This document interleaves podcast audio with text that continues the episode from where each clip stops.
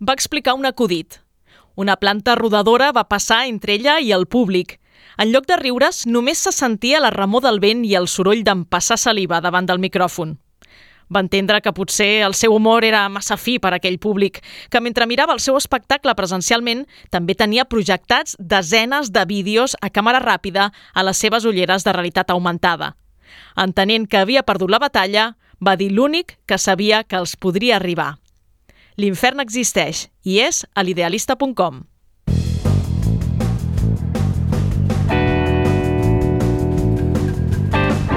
Quimèric, amb Karen Madrid. Benvinguts al Quimèric. Quan anàvem a l'escola, l'inici de curs era sinònim de comprar llibres. Ara també, però ens fa molta més il·lusió, tot ho hem de dir. I és que des de fa un bon grapat d'anys, setembre és sinònim de setmana del llibre en català i el Fantàstic cada cop hi té més presència. Descobrirem com ha anat aquesta edició. Sense deixar la literatura, anirem fins a Saragossa per recollir sensacions, guardons i declaracions de l'última Hispacon i per avançar-vos novetats sobre les properes. Un avenç, una de les guanyadores del Premi Ignoto serà l'encarregada d'organitzar el certamen el 2025. També parlarem de cine, concretament de western, que ha estat l'eix temàtic del B Retina de Cornellà. Us explicarem com era el poblat de l'oest on es rodaven els espagueti western de casa nostra, de la mà d'experts i de treballadors de la indústria cinematogràfica. I acabarem amb videojocs, perquè us farem crònica de la Indie Div Day, una fira que ha reunit el bo i millor dels videojocs independents a Catalunya. És el que donarà de si el segon quimèric de la vuitena temporada que fem possible amb el Toni González a les vies de so, l'Iker Mons i la Marina Tovella a la producció i la Clara González a les xarxes socials. Quimèric, el programa per als culturalment dispersos. Notícies del Fantàstic.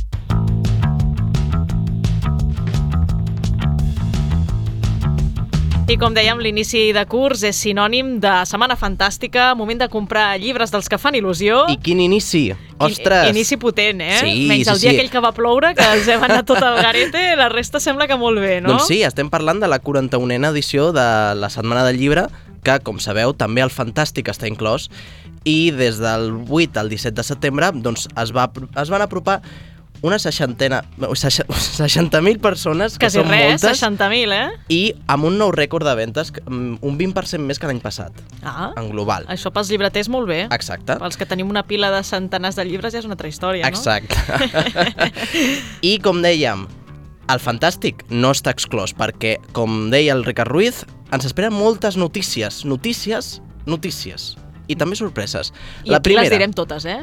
Per descomptat, Home, faltaria més. uh, va aprofitar la tarda del 12 de setembre per fer doncs, la típica tarda del Fantàstic que ja va fent des de fa anys la setmana. Sí, 5 o 6 anys mínim. Mm. Exacte. I la primera és Els fills d'Eodo 1, una trilogia èpica medieval amb molta influència del passat de Catalunya, encara viu en els seus castells i torres, no? L'he llegit. Sí? Sí. I què tal? A mi em va fer una mica de bola. Però potser Doncs no era el moment de continuem! llegir-lo. doncs eh, fixa't que la tercera part, la fletxa blava, estarà disponible el mes vinent i vol recuperar aquesta aventura i les dualitats. Però potser millor que ens ho explica el seu autor, Roger Torres. Fills d'Eudum és una trilogia de fantasia èpica ambientada en un món medieval, totalment inventat, on precisament, um, agafant un altre cop el tema inicial, la, una de les protagonistes és, és una noia, l'Astrid. Um, en cap moment el lector dubta que sigui forta i valenta, però tot i així um, veu el seu món capgirat degut a certs esdeveniments que ja veureu si llegiu el llibre, però a partir d'aquí ha de trobar les solucions a certs enigmes. D'altra banda, qui també va voler jugar una mica amb les dualitats va ser en Jordi Casals, l'editor d'Espècula, que ens ha traslladat Tàndems Fantàstics, una crida i una reivindicació del gènere i els relats. Per una miqueta d'activisme, perquè ja sabeu que el, el relat sempre és un gènere si el gènere fantàstic, el gènere negre també, sempre està una miqueta menys tingut, el relat encara més, no? I llavors eh, tenia moltes ganes de fer una antologia, però volíem fer alguna antologia que fos una mica diferent. Tot i que fer una antologia de gènere fantàstic ja per ser ja de primeres no, el, el, el món del llibre doncs ja és una cosa una miqueta diferent, no? si més no en català. Però què és el que vam pensar? Ostres, eh, a veure què podem fer per no aglutinar autors molt, no, molt potents i que cadascú no, faci la seva i vaig tenir la pensada ostres, i si fem relats a quatre mans? A mi sempre m'ha agradat els relats a quatre mans per molts motius, no? A vegades perquè hi ha coses meravelloses, no? Terry Pratchett i Neil Gaiman, per exemple, que això ho dic al pròleg, no? que és una meravella, però a vegades hi ha d'altres autors que poder no són... Eh, que el relat que els ha sortit a quatre mans, no? Doncs eh, eh, penso en en Kerouac i en Barrows, eh, no, poder no és tan bo, però ostres, que xulo veure aquests dos jugar junts i veurem jugar precisament a 20 autors diferents mm. en aquests tàndems, amb parelles, amb autors històries... Autors destacats, a més. Exacte, mm. i del fantàstic català, amb autors com el Ricard Ruiz i la Inés eh, Macpherson, la Roser Cabré Bardiell i el Víctor García, el Marc Pastor i l'Isabel del Río, Albert eh, Vil eh, Villaró i el Jaume Valor, l'Ivan Ledesma i el Quim eh, el Gómez, el, la Mar eh, Bosch eh, i l'Adrià Pujol, l'Alicia Gili i l'Edgar Costas. M'està costant, eh? Però bueno, sí, jo, jo continuem. Veig, ja. Mercè Quartiella i Joan Manuel Soldevilla, l'Helena Bartomeu i la Laura eh, Tomàs i l'Enric Erce i l'Héctor Rivadeneira. Doncs alguna combinació que diguis em crida l'atenció veure com juguen aquests autors? Home, jo totes, perquè totes són cavalls guanyadors. No, no, no, te l'has de jugar. Home, jo, de jo Mar Pastor Isabel del Río... Veritat? Veritat? Mm, jo crec que pot ser terrorífic aquest relat. Ho sabia, ho sabia. També m'agradaria veure la Roser Cabré Bardiell També. i el Víctor Garcia, veure aquesta o combinació. O l'Ivan Ledesma amb el Quim Gómez. Sí, sí, són gent que Bueno, és que tenim el llibre, el llegirem, sí, no, no, que cap problema el, el tenim, amb això, tenim, sorti, està aquí, sortirem està aquí. de dubtes aviat. I el tema principal, com dèiem, és la dualitat a partir del tema de la dualitat hem pogut anar també passant d'un estil a un altre, no? Podem passar doncs, això des de terror, podem passar a humor, podem passar per space opera, podem passar per la literatura de l'estrany, podem passar pel weird, però sempre, com ha de ser un conte, no? allò que deien conte de que la novel·la te guanya per punts i el conte t'ha de guanyar per cau, sempre acaben guanyant per cau. No? Llavors aquest cau que te fan dos contra un, perquè no deixen de ser dos autors, crec que és un de, de, dels, dels punts més forts que, que hi ha en aquest, en aquest conjunt de relats. Uh, de dualitats també va parlar el Guillem López, autor d'Arxipèlag, que mm, és novetat de mai més, mm, la vam, el vam entrevistar sí, la temporada passada. Sí, just als últims capítols de la temporada anterior. Per tant, compta com no, novetat. Sí, home, a, a veure, editorialment potser no, perquè com que les, les novetats potser compten dos o tres mesos, però, home, a la pràctica és novetat. És novetat, és novetat. És novetat. De fet, el Guillem López està a punt de treure el seu nou disc, ai, nou disc, nou, lli nou llibre, ja, ja l'estava veient amb la guitarra, eh? El seu nou llibre, Ardiente Sol de la Infància, doncs he tingut el plaer no, no, de llegir-lo no, no, i és una passada sí? espectacular. Doncs... Sí que llegiu Arxipèlag i si us agrada el rotllo que porta... Sí, perquè a més és una, una novel·leta molt curteta, que explora l'estrany no? I, la, i el fantàstic d'allò quotidià, mm -hmm. que és el mhm. més interessant. I precisament sobre la dualitat i sobre la eh, complicitat em va parlar amb ell. És quan es produeix l'element fantàstic, bàsicament en el lector. No? Automàticament comença a preguntar-se això que està passant és real pertany, pertany realment a una realitat paral·lela o està passant en el que jo reconec com la meva realitat.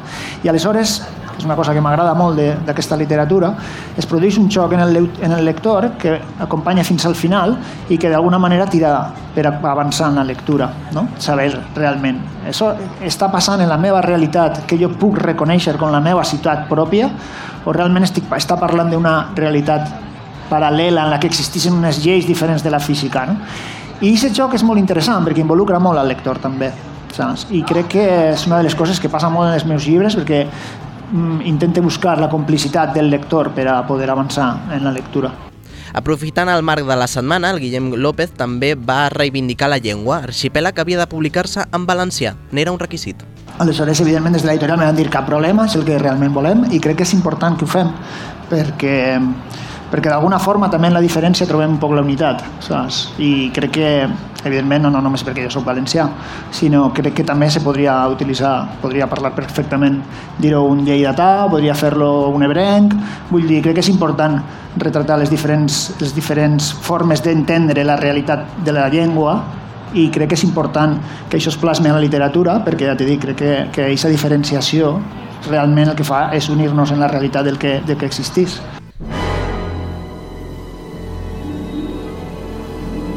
I la tarda del Fantàstic també ens va acompanyar la ciència-ficció escrita per dones. La Inés Macpherson i l'Anna Llisterri van debatre sobre dues autores, dues clàssiques, que van convertir que s'han convertit, perdó, en la novetat d'aquest setembre, la Margaret Cavendish, amb un món resplendent el de donar llibre llibres. és preciós, aquest llibre, eh? La- l'edició és espectacular. És fantàstica. Mm. I la Catherine Bardeskin amb la nit de l'esbàstica de Verd. També preciosa, la tinc pendent des de fa, fa mesos. Ara aviat la llegim a- al club de lectura del Biblionauta, o sigui que espero poder acostar-vos la recomanació properament. Doncs uh, n'explicarem moltes dades mm, interessants perquè aquestes dues autores clàssiques Mm. uh, han explorat la ciència-ficció d'una manera molt interessant. I, de fet, la Cavendish era una teòrica del segle eh, XVII. Fixa't. Ostres. I va, trans va voler transmetre les seves pràctiques eh, científiques filosòfiques amb una qüestió pràctica al món resplendent. Així ho explica la Inés McPherson i la- i l'Anna Gisterri. hi ha una, un- una sensació constant de diàleg, no? o sigui, perquè es posa a parlar amb uns i els hi pregunta i li contesten, i és com si es anessin construint eh, formes d'entendre el món no, que vas veient en el fons com un, un ventall de les teories que hi havia en aquell moment, no? i estan posades d'una forma, diguem-ne, narrativa, Sí. eh, filosòfica també alhora, no? però que jo crec que ella, malgrat això, no? que estem parlant d'un llibre del 1666, troba un equilibri Mm. que, a més a més, jo també crec que és això, no? o sigui, que la traducció ajuda a que aquest equilibri flueixi. I a més a més ella ho especifica, perquè aquest llibre va sortir publicat per primera vegada no com a obra individual, sinó acompanyant Mhm. un llibre de filosofia de la mateixa autora. Sí. I fa un pròleg que diu, mira, mireu, que aquí he explicat més teòricament, ara ho explico però d'una manera així més lleugereta. McPherson afegia que era molt important qüestionar les premisses.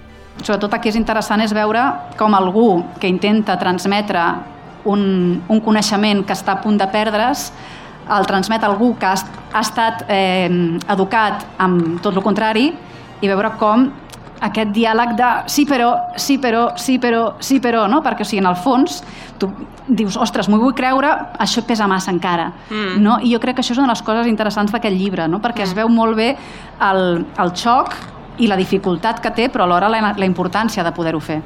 Doncs dues visions molt diferents de la ciència-ficció. Uh, pel que fa a la eh, eh, Catherine Bardeskin, uh, va escriure La nit de l'esbàstica com un avís. Si seguim així, d'aquesta manera, acabarem d'aquesta altra. Aquesta visió distòpica del món uh, la va escriure 20 anys abans de la Segona Guerra Mundial i es va convertir en tot un referent en alguns autors com l'Orwell. Uh, L'efecte contrari el provoca Cavendish, amb un món resplendent. Inés McPherson explica que l'única petició que tenia l'autora era que la reconeguessin a la seva universitat. El 1655 escriu The Philosophical and Physical Opinions i aquí és on fa el prefaci de, de, eh, a les dues universitats. Aquí, al final del prefaci, és quan diu que, com a mínim, espera que en algun moment, tant els seus llibres com les dones, en algun moment no especifica eh, puguin arribar a, a ser això, no? a tenir educació i a poder tenir el lloc que es mereixen. Però clar, ella ho deia com una cosa que jo ho deixo aquí i a veure si algú, doncs, no sé, en algun moment no? aquest, aquest llibre meu i aquests textos meus doncs, acaben a la universitat, no? perquè clar, o sigui, ella en el fons està demanant que el seu llibre pugui estar a la universitat que és que o sigui, està demanant això, que per ella és ja com una cosa meravellosa pensar que el seu llibre pugui arribar a formar part de la biblioteca de la universitat perquè és impossible, és impensable, no? I que potser en algun moment arribarà a ser possible que els llibres de les dones estiguin allà. Quan? Això ja... Doncs t'ho dic, ha arribat! Ha arribat. Ha arribat. Més val tard que mai, ha diuen. costat, ha costat tres segles, però efectivament les dones ara són tot un referent en la literatura i la literatura, la literatura del fantàstic en especial. I no deixem de parlar de dones i literatura. La crònica del fantàstic. Anem fins a Saragossa, perquè el cap de setmana del Ens anem 8 lluny. i 10 de setembre s'hi va fer l'Hispaconsi. Mira, venia de gust, venia de gust anar a Saragossa a veure què hi feien i la veritat és que l'experiència molt bona, molt ben organitzat, amb xerrades de temàtiques eh, molt diferent del que estem acostumats a veure. Sí, sí, sí. Sí, ja les anirem recuperant al llarg de la temporada. Però, però va ser curiositat o hi havia un xanxullo de per mig? No, no, va ser curiositat, però després em vaig veure amb un xanxo. Ja ho Ah, explicaré, ja ho explicaré. bé. A veure, eh, per la gent que no sàpiga què és una Hispacon, doncs és l'equivalent a les CatCons espanyoles. Ho organitza Pórtico, l'Associació Espanyola de Fantasia Sense Ficció i Terror. Eh, els voluntaris d'aquella ciutat en concret fan d'hostes, no? De, Sí. I llavors doncs, organitzen les xerrades. Crec Era- que no és la, la, el primer cop que el, el cobrim. Sí, va fer l'edició... Sí, sí que és el primer cop que el cobrim. No, no, ja t'ho garanteixo que no. Van fer l'edició una a- a- online. online. És veritat, és veritat. Físicament sí que era el primer cop Això que hi sí, anava. això sí, és la primera vegada que venem. Durant uh, l'Hispacon s'entreguen els premis, no? Uh, com tenim aquí els Ictineu, allà són els Ignotus, Vale. i hi ha una curiositat, que per això acabàvem la secció anterior parlant de dones, i és que la guanyadora del premi a millor novel·la és una obra d'humor escrita per una dona, que a més ja vam abordar el quimèric de la temporada passada també. Què dicen? No te creo. Proyecto Ketchup d'Inés Galiano. Bueno, a- evidentment. I aquest no va ser l'únic premi eh, que es van portar a la Galiano, també es van portar el guardó a millor producció audiovisual aficionada pel podcast Droids and Druids que fa amb l'Helena Torró i l'Amanda Iniesta. Coi, comparteix una mica, no? Doncs bé, justament amb l'Helena Torró i quatre noies més, entre les quals m'incloc, Ah, vaja. Galiano ens han redat a totes per liderar l'organització de l'Hispacon del 25. I serà Ui. aquí, a Sabadell. He de dir que està confirmat, no són rumors, m'ha escrit gent dient, però això són rumors, estáis en ello? No, no, està confirmat, votat i aprovat per l'Assemblea de Pòrtico. Et pots creure que a mi m'ho van... preguntar la setmana? Sí? Doncs Sí, mira, sí, i què sí. vas dir? És cert, és cert, Ah, dono oh, fe, dono fe. O sigui que tots els voluntaris que tingueu ganes d'involucrar-vos en aquesta gesta, eh, contacteu amb nosaltres, que estem buscant gent, o sigui que ja hi ha gent que ens ha contactat, o sigui que la liarem ben parda. Ja sabeu que el quimèric està en tots los embolaos. Sí, i tant. I, bueno, ha sigut cosa de la Inés, la Inés Galiano, ella és la culpable, eh, suposo que aquell, aquell sopar li d'aniversari postquimèric va tenir alguna Oh, cosa a veure oh. en la cosa. Quin bon sopar. A veure, Clara, vol aportar alguna amb cosa? el llibres que és Proyecto Ketchup, que referencio diversos cops a la setmana. Estàs contenta que hagi guanyat o no? Sí, uh, Ah. ara sabent uh, uh, un dels altres premis, sembla que els hagi donat jo. Bé, és que el criteri és el, és el, el correcte. Sí. No tenim aquí gent No. qualsevol al quimèric, Home, tenim gent per amb criteri, descomptat. faltaria més. I qualitat. Per, aprofitant això de que l'Ignotus l'ha guanyat una obra humorística escrita per una dona, Vale. volia aprofitar en aquesta crònica al Fantàstic per recuperar eh, l'essència d'una de les xerrades que hi havia, que era precisament l'humor escrit per dones. I participava la Inés Galiano, la Cristina Mestre, la Celia Corral Vázquez i la Rosa Gil. Doncs una de les idees interessants que van plantejar és que l'humor fins ara no tenia gaires autores dones pel com considera aquest gènere. Creo que muchas veces hay gente que no hace humor porque necesita que la tomen en serio y en este tema de humor en las mujeres puede que haya un componente de ese tipo, ¿no? De, de nos han tomado tan poco en serio que si encima nos ponemos a hacer mamarrachadas igual nos toman menos en serio. Entonces, para mí el humor en la literatura es como el... Hay como como conocéis la pirámide de Maslow, esta que dice que cuando cubres una necesidad, comida y refugio, pasas a la siguiente y tienes otra necesidad más alta, más alta, hasta que llegas a la... Pues yo creo que hay una cosa parecida con todos los colectivos discriminados y la mujer, que igual es el más transversal de todos, eh, con las cosas que podemos hacer porque estamos autorizadas a hacer, ya sea legalmente o consuetudinariamente, ¿no? Desde existir, ¿no? Tomar decisiones vitales como con quién me caso, tener un trabajo remunerado, eh, bueno, me estoy saltando escalones, obviamente, contar con nuestro propio dinero, hacer un trabajo creativo, hacer un trabajo creativo que salga de la esfera de lo doméstico y lo femenino, y encima arriba, muy arriba, muy arriba del todo, está reírnos de todo esto, ¿no? Entonces, para sentirte con confianza como para hacerlo de arriba, tienes que tener todas las escalas intermedias. Entonces, el humor en la literatura, en nuestro caso, a mí me parece un triunfo, porque significa que estamos llegando o arañando o intentando ese escalón superior, ¿no? que está reservado a quien se siente ya muy seguro de que está autorizado, social y legalmente, a hacer una serie de cosas que a lo mejor nosotras no hemos tenido. Creo que para hacer humor tienes que tomarte poco en serio a ti misma y para eso también tienes que al mismo tiempo ser lo suficientemente segura para que te dé igual no estar segura en el momento. Eh, bueno, esto a mí me gusta llamarlo como abraza el luserismo, no sé, es, es como la vida es muy difícil y estamos perdidísimos todo el rato, yo por lo menos, yo no sé los demás, no cómo lo hacéis, pero yo lo estoy y entonces es como, si todo se me queda grande, pues da igual, yo me voy a reír por el camino. Muchas veces el humor viene de, también de un momento de, de trauma o viene de hablar de la vida cotidiana, de pues también de que es, es imposible eh, emanciparte, encontrar trabajo, pero haces una novela de humor sobre eso y al final también tiene componente crítica social, tiene mucho componente cultural, entonces sí, no, no, parece que estás haciendo algo menor, ¿no? Si haces humor, porque te haga reír. Todos necesitamos de vez en cuando reírnos. Entonces, reírnos, sonreír, algo que te caliente un poquito el corazón. Y yo creo que el humor en la literatura para mí es una novela que mm, te pueda ayudar a, sobrellevar un momento malo o algo que te haga también evadirte, que no todo va a ser siempre trascendente. Y sí, efectivamente es complicado además siendo mujer porque ya estás como metiéndote en lo menor de lo menor.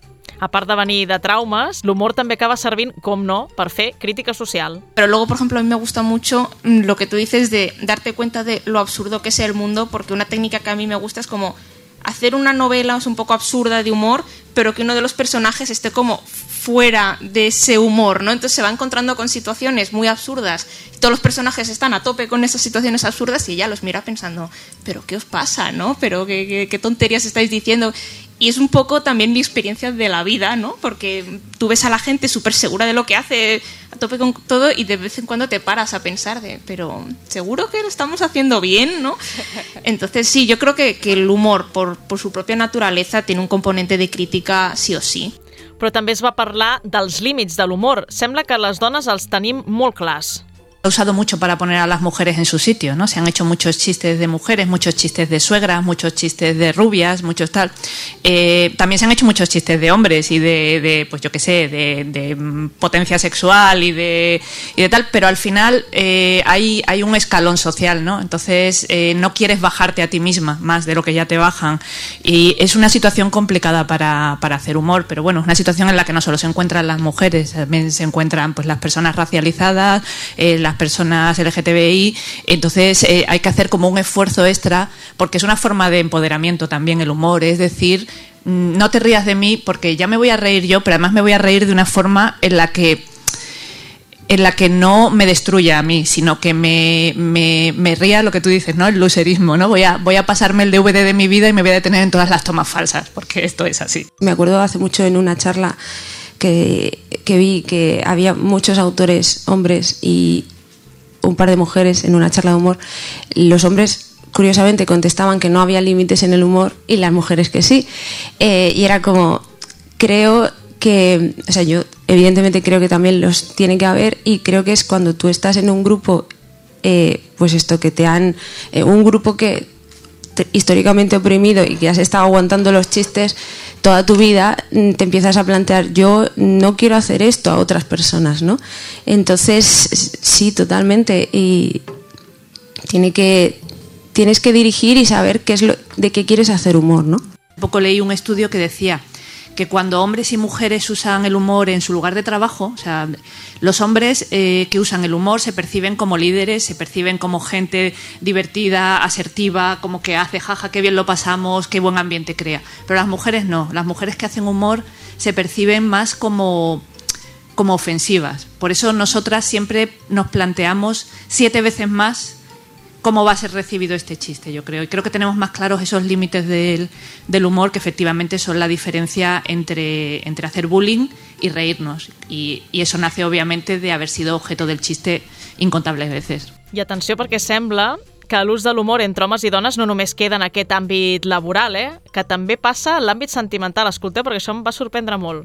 Pero se supone que un hombre gracioso se le alecciona y se le enseña a ser gracioso como forma de parte de las estrategias de seducción. Pero las parejas que funcionan a largo plazo son aquellas en las que ella tiene humor. ¿Por qué? Porque el humor en la pareja a largo plazo ya no es seducción, es vamos a quitar hierro a todas las crisis que vamos a tener, vamos a a, desescalar los conflictos, vamos a allanar un poco pues esta crisis económica, no te, nos llega para la hipoteca, el niño nos suspende todas, etcétera. Y esto tiene, lo que significa es que el humor del, admitido para la mujer es apaciguador, no es crítico y es un es una victoria, un triunfo, un avance que este humor se esté convirtiendo o se haya convertido, porque obviamente esto lo han hecho más mujeres antes, no, no, no estamos aquí inventándolo, pero sí que estemos hablando del humor como crítica social, del humor femenino como crítica social, porque a lo mejor en nuestra educación heteropatriarcal esto no estaba. Com se't queda el cos de l'humor, el reír por no llorar, que sigui És que humor, dona, perquè al final és això, em, de em dona com una, una tristesa molt... no arribo per pagar la hipoteca, els Vamos meus fills són reírnos. tontos... Ah! em sento molt de identificada. Em sento molt identificada, és veritat. Has, has fet Totalment. humor en comptes de plorar? Sí, sí. quan plores ja és quan ja ni l'humor Ni l'humor ni no et serveix, eh?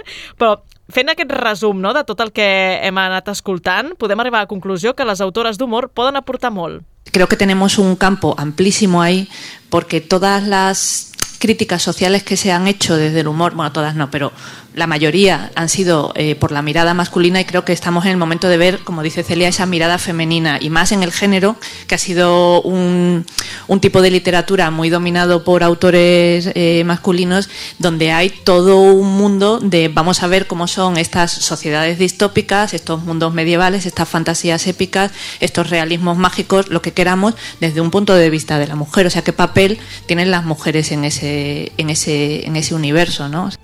Però a l'Hispacón es van tractar molts més temes, eh, de fet, moltíssims. Ja he fet una llista de totes les xerrades que vam poder seguir. A dir que vam trobar-nos tot facilitats, eh? Vull elogiar l'organització de, de l'Hispacón perquè...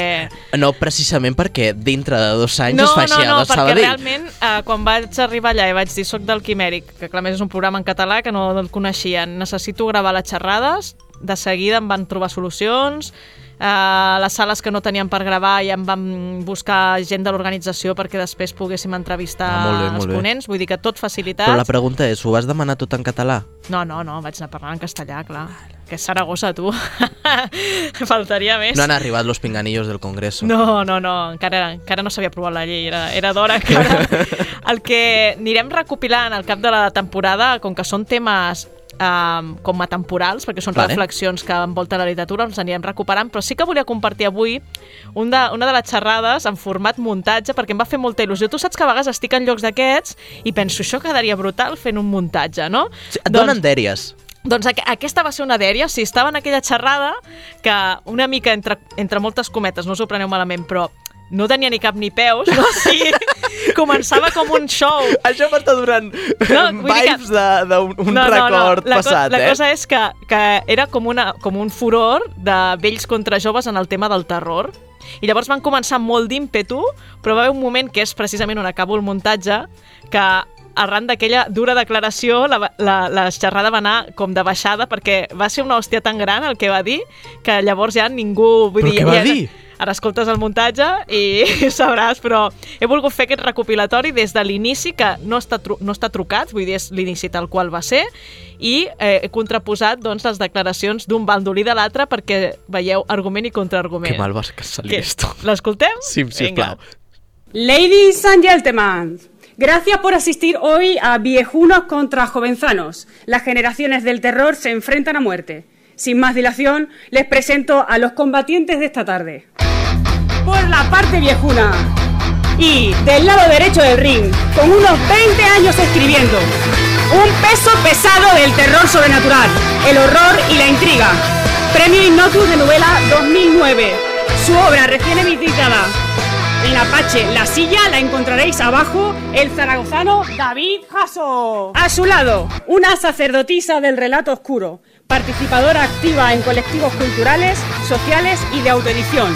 Bruja, psicóloga y cuentista premiada, podéis encontrar su libro Barón Van Humboldt, autopublicado en 2021. La madrileña LG Morgan.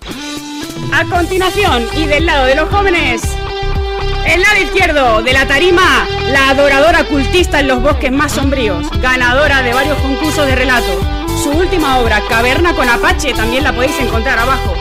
Desde Navalmoral de la Mata, Cáceres, Ángela Pinó. Y junto a ella, novelista y guionista, capaz de crear un slasher de campamento en la Sierra de Gredos, aunque hoy ha decidido dejar el hacha en casa, su último libro sobre Iosis y Gula 2 por Numa está ahora en preventa. Directamente desde Lérida, Paula Peralta. ¡Que comience el combate! Siempre se nos puede tachar de echar la vista atrás porque tenemos esa posibilidad, pero está claro que nosotros dentro de nuestra literatura pues englobamos o creemos que debemos englobar ciertos temas que antes no se trataban, por ejemplo la diversidad, ¿vale? Estamos hablando de que, por ejemplo, nuestro amigo Lovecraft solo metía hombres en sus novelas, un poquito de misoginia, Como nosotros no teníamos internet y era muy difícil documentarse, pues bueno, pues no nos quedaba más remedio que escribir sobre lo que conoces. Un, un ejemplo, cuando yo estaba escribiendo mi primera novela, internet ni existía y tenía que ver cuáles eran eh, los problemas de salud que podía tener una persona en determinadas situaciones límite, ¿no? Bueno, pues no se me ocurrió otra cosa más que pedir cita en el médico e ir inventándome síntomas que yo no tenía, pero que sí tenía el protagonista de mi novela, ¿no? Eso sí que es documentación, joder. Escribe sobre aquello que. Documentación que- que de conoces. campo, además, en concreto. Ahora, a nivel personal, ya desde, en plan, persona que tenía Google a los 10, lo encuentras en Internet. Es decir, es tú buscando activamente. Ya no tanto que te pueda llegar, yo creo que antes buscarlo tú activamente era más difícil. Es decir, tenías que estar pendiente de la librería a la que tú acudías, si eras capaz. Pues sí es cierto que tenéis como a la espalda más cultura o más literatura o más leído, pero siempre también lo habéis tenido más difícil para acceder. Para nosotros es súper sencillo. Yo mañana se me antoja un libro, pincho en Amazon y el día siguiente lo tengo en casa. O de buscar y decir, oye, me encantaría leerme sobre eh, una señora que se enamora de un pulpo gigante, de no sé qué. Tú abres Google y le preguntas a Google y alguien lo ha escrito. Bueno, esto está siendo muy blandito. Hemos empezado. Tú lo que te quieres es pegar. Venga, venga, saca, saca el cuchillo.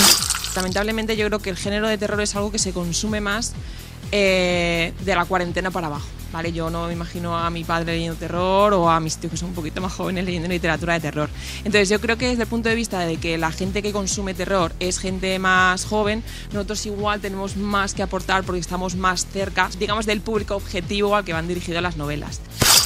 Pues hay un tipo de terror que ve la gente más joven, pero es que el terror es mucho más amplio. De hecho, a mí me van mucho las decimonónicas, o sea, soy espectrofílica total, y el tipo de terror sobrenatural, de fantasmas y tal, es que estaba en auge desde, bueno, el tema de fantasmas, aparecidos, casas encantadas, es desde, desde que el hombre es hombre. O sea, que yo creo que es más bien el tipo de terror. ¿Y por qué puede eh, interesar solo a los jóvenes el terror? Porque si son los jovenzanos los que escriben terror y les falta una profundidad, una calidad literaria, un, un- ganarse al, lector, los tendréis solo mientras son jovencitos y leen vampiros que brillan a la luz del sol, ¿no? Eh, eh, eso explica que esa persona luego cuando crece diga, "Pero, va a leer otra cosa. Cierto que de vuestro lado tenéis eh, muy cerca la sensación de el miedo a la muerte, que son en literatura de terror. De terror es muy importante. Pero eh, yo creo que nosotros estamos más cerca. No nos vamos a pelear. Cuchillada limpia y para casa. Quimèric als festivals. I canviem de gènere, ja hem parlat d'humor, hem parlat de terror, I quin canvi, eh? ens faltava el western, no? Ostres! Quan no parlem de western en aquest programa? Cada dia... Cada dia el western és, és Cada dia indispensable. hi ha una secció de western fixa Clar, i ara toca la ciència secció ficció, western. fantasia, terror, western. Western, western. A veure, la gent que, no, que baixa de la parra ara. Uh, el western era l'eix temàtic de la vuitena edició del Berretina, festival de, sèrie, de cinema de sèrie B de Cornellà, que es va fer del 12 al 17 de setembre. El leitmotiv era indis i cowboys, però van jugar Vale. amb la paraula indis i cowboys i van colar algunes pel·lícules de Bollywood. Així com qui no vol la cosa. Oh, també són indios. Ostres! Ostres! Jo crec que... Cogido con pinzas, eh? Jo crec que no van trobar prous westerns de sèrie B i van dir, mira... Agafem un ara de Bollywood. Ara entrarem amb això dels westerns perquè té molta amiga. Um, ja sabeu que el western va ser tot un boom en una època en concreta i a casa nostra se'n van rodar molts, els anomenats spaghetti western. I resulta que hi havia diferents poblats a Espanya, Madrid, Almeria, i un d'ells era Esplugues. Esplugues? Esplugues City es deia aquest poblat de l'oeste. Ostres! Llavors, el, dia, el dissabte 16 van fer una jornada d'una xerrada per parlar de l'Espluga City. Um, era doncs, un poblat que va construir uns industrials convertits a productors, els Balcázar, o sigui, és tot, Ostres! és tot molt cinematogràfic, eh, el tema. No. Doncs per parlar-ne teníem el Javier Ramos, autor del llibre Les rutes de western a Catalunya i l'Aragó, Vale. el Pere Marzo, que precisament ha fet un documental, Goodbye Ringo, sobre el western al nostre país, i llavors dos figures que van viure de la indústria del western al nostre país. D'una banda, el Paco Marín, que era director de fotografia i va començar la seva carrera fent d'ajudant de càmera a Espluga City, amb 14 anyets. Comencem super, bé. super entranyable, Ostres. prenent la professió al costat del càmera allà. Vam veure també algunes imatges de, del Nodo, on ell sortia, molt graciós, i l'Alberto Gadea, que era actor i especialista. Uh, va fer d'especialista en desenes de pel·lis de western. I especialista vull dir d'aquests que cauen del cavall fent piruetes i... Que es donen unes hòsties sí, impressionants. Exacte, exacte. Primer, d'això en parlarem, d'això també en parlarem. Vale. Primer de tot, ens van posar en context del poblat d'Espluga City. Vale. El primer poblat, perquè n'hi van haver dos, el van construir en un solar enganxat al cementiri, que va suposar doncs, moltes triquinyueles al tapar el cementiri, l'any 64. Era el tercer poblat d'Espanya, tenia 17 edificis inicialment i va acabar sent una trentena. Va anar creixent a mesura doncs, que, que Van s'anava envair fent. el cementiri, se'l van Anaven menjar. creixent per l'altra banda, però clar, realment no teníem molt d'espai. El Javier Ramos va explicar el perquè de la construcció d'aquest poblat. Si querían hacer películas del oeste, pues aunque no, no es imprescindible, eh, es importante tener un, poblado del oeste, un decorado. Y como, digo, había dos en Madrid, pero ir as- hasta Madrid para rodar, pues es como fue al principio la idea de los Balcázar, eh, eh, salía demasiado caro porque había que pagar eh, transporte, dietas, había que pagar el alquiler de poblado. Así que los Balcázar pensaron, ¿y por qué no hacemos nuestro, nuestro, nuestro propio poblado, ya que tenemos programadas varias películas del oeste que queremos rodar? Y dicho y hecho. Va estar en marxa fins al 67. S'hi van rodar 28 westerns i alguna pel·li d'altres gèneres, van dir. M'agradaria saber quin és l'altre gènere, però bé, mm, és igual. No vaig tenir esma de preguntar. Ciència-ficció. Llavors es va construir una nova autovia que Vale. passava just pel mig. Llavors van haver de canviar-ho. Doncs mira, Ah. van canviar el solar de l'altra banda del cementiri. O sigui, No un altre angle, però al mateix cementiri, en el mateix lloc. Però també tindria els dies comptats. En el año 72, por esta flamante eh, autovía, dio la casualidad que pasaba el ministro de Información y Turismo de esa época, que era Alfredo Sánchez Bella, el sucesor de, de Fraga en este, en este cargo, que al pasar por la autovía vio, se fijó en, el poblado de Sprugar City y vio que había un montón así como de parecían chabolas, casas de madera, y dijo, pero ¿qué es esto? esto hay que, acabar con ello. Y dio orden de, de derruirlo sin, sin, sin más información. Ni más. Eh, eh, y claro, llegó la noticia a los Balcázar que intentaron salvarlo, eh, el poblado. De hecho, intentaron convertirlo en un, en un parque temático como, como los que hay en Almería. Eh, pero la idea no, prosperó y no tuvo más remedio que, derribarlo. Eso sí, para acabar con él lo quiso hacer de una forma espectacular, muy, muy al estilo del cine. Quiso hacerlo eh, que muriese en acto de servicio. Entonces decidió destruirlo durante rodaje de un último western, se llamaba, le llamaban Calamidad. Eh, en, la, cuya la película hay una escena final, que hay un enfrentamiento entre los dos protagonistas con una banda y se pelean con dinamita, van, van explotando edificios por aquí, por allá y, y desgraciadamente pues se, va, se ve cómo van destruyendo todo los, el salón, la oficina del sheriff, todo, todo va cayendo abajo. Home, Aquest, això... Aquesta és la manera de dir no te metas con los Balcázar. És que tenen nom de, de màfia De xunga, màfia eh? xunguíssima. Sí, sí. La qüestió és que en 8 anys van fer 50 westerns, o sigui, entre els dos poblats. I hi hauria títols molt importants eh, del gènere. Per què aquestes xifres? Doncs sembla que, encara que fossin molt mafiosis o semblin per aquest nom, sembla que els Balcázar només posaven facilitats. lo fácil que era trabajar con los Balcázar, que no había, que muchas veces no había ni contratos. Se llamaban, eh, llamaba Paco Balcázar, que era el, era el comercial. Eh, Amati, estoy aquí en Italia, estoy en Roma, ah, ci vediamo, ah, vediamo, va. Se veían. Tengo esta película. Vale, perfecto, sin verla, sin leerlo. El guion, sin leerlo. Perfecto. Eh, ¿Quién tienes pensado? Pues tengo pensado el Robert Wood, el no sé qué, el no sé qué, el no sé qué. Vale, de acuerdo.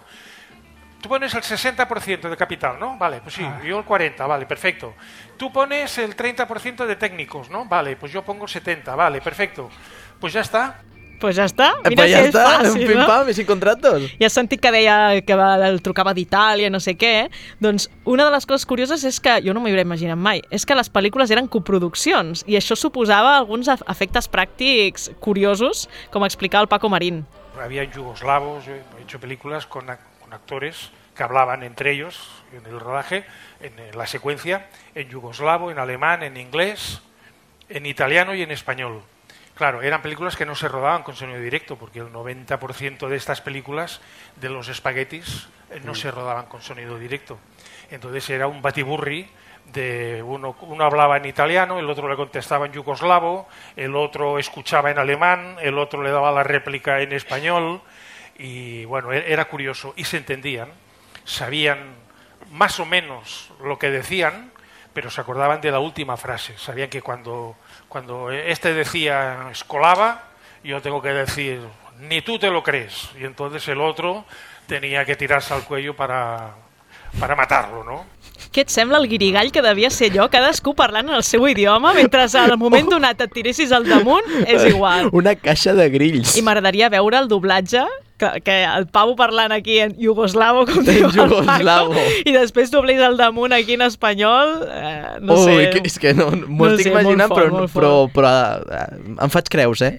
Lo increïble és que es rodava moltíssim, però des de dins, ni actors, ni directors, ni càmeres eren conscients del fenomen western. Ho apuntava l'Alberto Gadea. que nunca pensábamos que esto llegaría, o sea, el Bon llegara tan lejos, o sea, a estas fechas, ¿no? Nosotros creíamos que, bueno, esto cuando se termine, se ha terminado, llega la grúa, tira, pam, lo sacan y se ha acabado. Pero a partir de que hay un montón de personas, como estos dos chicos, que se interesan, que escriben, eh, que te llaman, que, que se asesoran, te das cuenta que el western es algo más que una película, porque el otro día pasaron dólar bucato, ¿eh? dólar agujereado. Y con Juliano Pero- Gemma, sí. y perdón, pero era mala como te veo, ¿eh? Era mala, pero mala. Pero había que ir. Yo me he peleado en Madrid para, para participar en Forajidos. Y luego la ves en pantalla y dices, por esta mierda casi le parto la cara a. O sea, no lo entiendes, ¿no? Pero es el bon que tiene el western.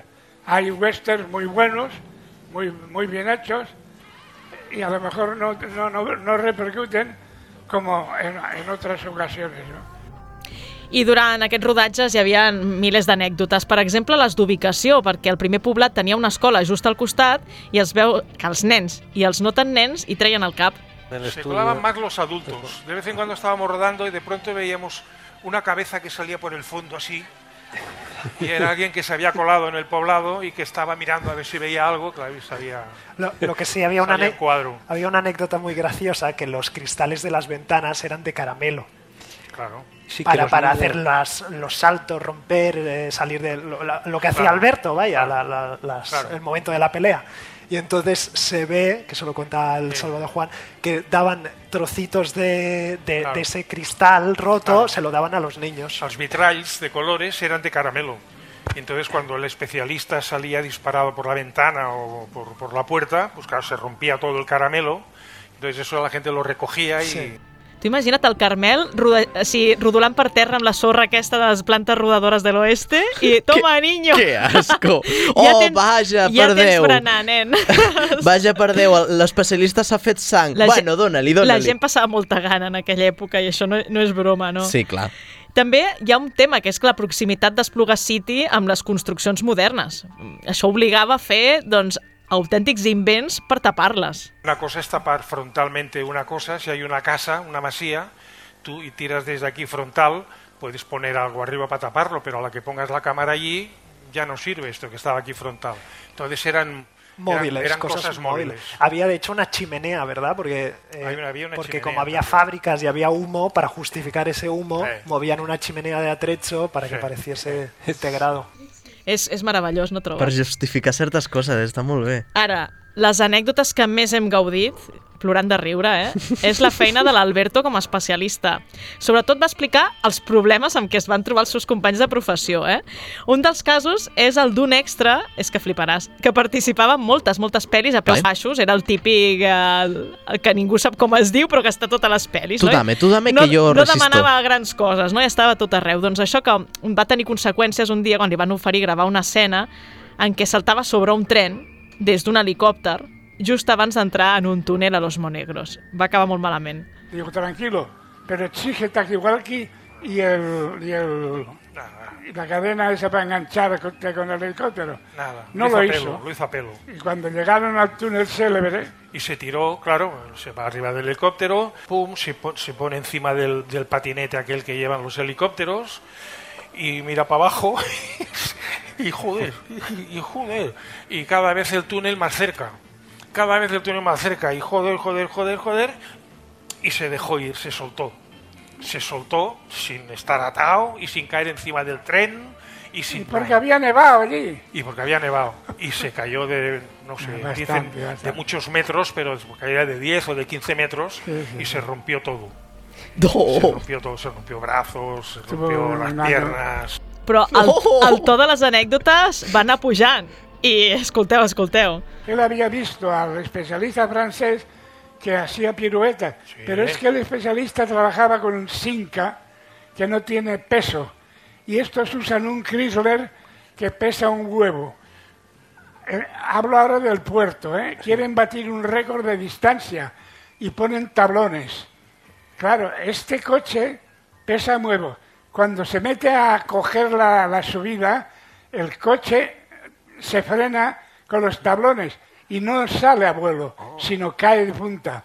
Y, y uno que pasaba por allí, que era amigo de, del alemán, le dijo, va, yo me vengo contigo, va, dame la botella. Y los dos palmaron. És que, clar... Sentiu, sentiu No! els riures, no? O sigui, el tio t'explica això i diu, los dos palmaron. dos I, tota, palmaron. I tota la sala rient, perquè era com... Llavors, Però- clar, després d'aquesta anècdota en van venir moltes més i totes acabaven amb tothom mort. I llavors, nosaltres hem arribat, nosaltres vull dir els assistents del Berretina, hem arribat a una conclusió que és que ell és l'únic supervivent d'aquella època. O sigui, és un senyor gran, gran, però segueix viu, saps? I jo crec que des d'aquesta seguretat que et dona d'haver sobreviscut els de tota una generació, pot fer conya de... "Eh, se murió. Se- La se palmó. murió. Perquè, clar, jo estoy vivo, tengo 70 y pico, 80 años, i vosaltres heu mort, i ja està. I la vida és així, saps? Clar, perquè aquest senyor s'hauria de fer el guai. De... No, això jo, jo no ho faig. Llavors va veure morir a tothom. I, una passada de...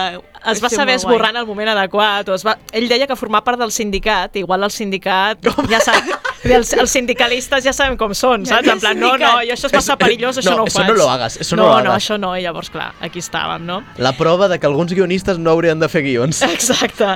A veure, a part d'aquesta xerrada, doncs van haver moltes projeccions i també van passar pel Berretina altres personatges destacats, com per exemple Fernando Esteso, que va ser com oh! el gran convidat del Conyo. festival. Va haver molta gent que es van a fer fotos amb ell, autògraf, va- van gaudir de la seva pel·li, i, i bé, doncs uh, s'ho van passar bé, uh, els assistents del Berretina ens ho van passar molt bé i esperem que, igual que nosaltres, hagueu après escoltant aquestes anècdotes sobre els westerns.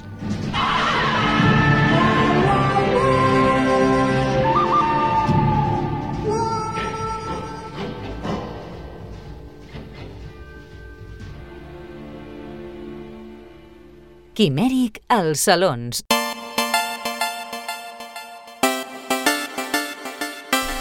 I passem del cinema i del western Hòstia, quin matxembrat de als programa, escolta. videojocs i la modernitat, ja que del 8 al 10 de setembre es va celebrar l'Indie Dev Day a la Farga de l'Hospitalet. I és una fira de videojocs, la fira més gran d'Espanya, i va passar-hi 12.000 assistents, no? 12.000 persones diferents des de professionals, estudiants i entusiastes del món del videojoc que bàsicament es van apropar per descobrir el bo i millor del nacional i l'internacional de casa nostra.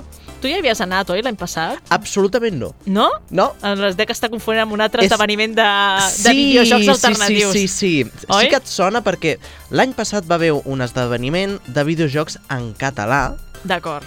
D'aquí la confusió. que hi va anar l'Alfons i el resultat va ser que ningú parlava català i la meitat dels videojocs no estaven traduïts. Bé, bé, molt bé. La idea era bona, però no va prosperar, no? Mm, Detalls. La qüestió és que aquesta ja té una gran tirada, ja són moltes edicions que fan la Indie Dev Day Mm? i um, per descomptat aprofites per veure tot, tot les novetats que hi han en el món dels videojocs de casa nostra. I hi ha molta qualitat i molt de talent. I d'aquestes novetats vam descobrir la del creador de contingut Seri Rodríguez, de Leyendas y Videojuegos, és un canal de YouTube, Mm.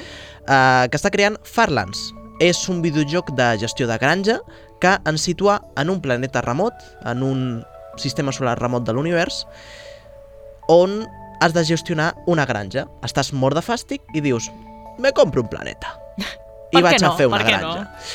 Doncs l'Eric ens va explicar com va sorgir la idea de Farlands i com ha estat l'experiència a l'hora de crear aquest joc. Em fa certa il·lusió fer aquesta entrevista perquè, bueno, ja t'ho he comentat, ens vam conèixer fa 3 anys al Soc Friki Soc Cultura. Ha plogut, eh? Ha plogut. I mira on has arribat, a fer un videojoc. T'ho haguessin dit, això? Clar, perquè fa 3 anys encara no havia fet ni el primer joc de taula, que ja porto dos jocs de taula i era el videojoc, com, com ha avançat la cosa. A mi el, el que em fa il·lusió és veure't que encara estàs fent entrevistes i, i que això aguanta. Home, per descomptat, el Quimèric a, tope. Com va néixer la idea de fer a Farlands? Vas començar amb els dos jocs de taula, boníssims. Ara va, anem a arriscar-nos a fer un videojoc. Eh, Jo des de fa temps ja tenia l'espina clavada que volia ficar-me en el món del desenvolupament d'una manera d'una manera o d'una altra. I jo tenia els meus plans de com podia fer-ho mica en mica i arrel d'un vídeo que vaig fer analitzant un joc pornogràfic, però només centrat a la part mecànica, en Handu, de Handu Soft, que és un publisher petit d'aquí d'Espanya, em va contactar i bàsicament em va dir vols que ens ajuntem i fem un joc de granja? I vaig dir, endavant! Vam començar a, a plantejar idees, sabíem com podíem tirar, com podíem fer-ho, vam formar un equip i des de llavors pues, aquí estem. Ostres, em sembla vergonyós que l'origen del, del joc sigui el joc porno. Sí, sí. Hòstia, Tot, tot això ha nascut del porno. Todo porno, todo porno.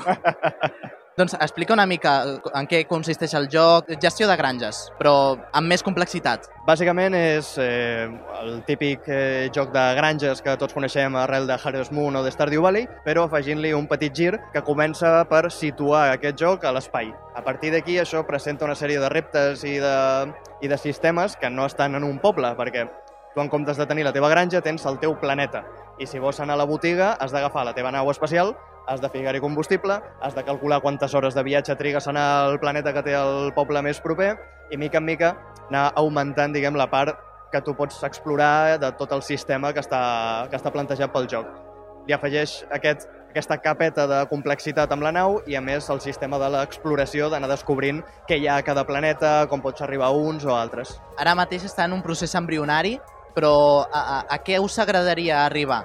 És a dir, voldríeu aspirar a tenir un gran univers com podria ser a, a, a Starbound o, o voldríeu limitar una mica i fer una cosa més coqueta? És més aviat més petit i ben tancat. Per mi aquest projecte és currículum, així que jo el que vull és que surti el joc més rodó possible.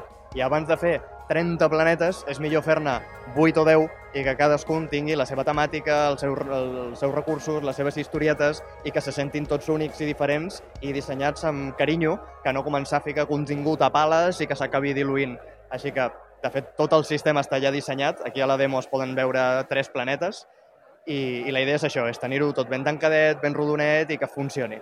Durant un procés de, de creació apareixen més idees. Ja t'han aparegut algunes idees de no, això no ho puc ficar en aquest videojoc, me la guardaré per un altre? Una pila, una pila. És, és una lluita constant entre el que vols fer i el que es pot fer, perquè al final to, o sigui, tots els videojocs voldrien tenir totes les coses. Comences que si pers personalització, que si multijugador, que si mil històries, però has de saber dir això sí, això no, pensant en el nucli del joc i què és el que li pot aportar més i què és el que directament es menja el temps i no li aporta a la, a la fórmula. Així que ja et dic, constantment et podria llistar infinites coses que s'han passat pel cap i s'han descartat. I per últim m'agradaria preguntar-te per una anècdota. Dispara. Una anècdota del, del desenvolupament. Aviam, se m'acut la primera vegada que va venir en Handu i va dir hem de tenir una demo llesta per Retro Barcelona. Això era com a un mes vista i va, va condir el pànic. Així va ser un moment molt i molt estressant. Fins a aquest punt anàvem molt tranquils, molt patxangueros i crec que aquest va ser el, el primer punt que vam dir al tanto que hi ha dates d'entrega que, que això és un videojoc, que és una producció gran, que som un equip de set persones i com que de cop ens va col·locar tots en el, en el nostre lloc i va canviar una miqueta la, la dinàmica. Al final el procés de desenvolupar un videojoc és tan llarg que tenir una figura com en Handu fent la producció i marcant els temps ens ha ajudat molt això, a col·locar-nos al nostre lloc, a donar-nos, fer aquest, aquest snap i, i, i veure realment que estem en un projecte enorme. Doncs heu arribat. Bueno, bueno, hem arribat. Portem vuit mesos i el desenvolupament seran com dos anys, o sigui, encara, encara falta una mica. Sí, sí, encara, encara queda, però a la demo heu arribat. Això sí. Per tant, felicitats. Ara la provaré, si em permets. I gràcies per l'entrevista. Eric, un plaer. Gràcies a tu, un plaer. Se't nota emocionat, eh, l'entrevista, Iker? És que soy un fan. És que ets molt fan! És la màgia del quimèric, poder-te entrevistar algú de qui ets molt fan sense que soni a... Soc molt fan! Saps què passa? Que l- quan, quan la, el primer cop que vam anar al Soc Friki Soc Cultura i el vaig veure ja, digo, Ho recordo, ho recordo perfectament. Però, que a més era el primer cop que feies alguna pel Clar, quimèric. ¿qué, sí. qué le, qué le pregunto? ¿Qué, qué, ¿Qué entrevista le voy a hacer si no está presentando nada? Doncs Va ser res. així. Hi ha més entrevistes, però les recuperem un altre dia perquè se'ns ha acabat el temps. Va. O sigui que, vinga. Sí, serà per temps. Un Serà per altre un dia altre serà. programa.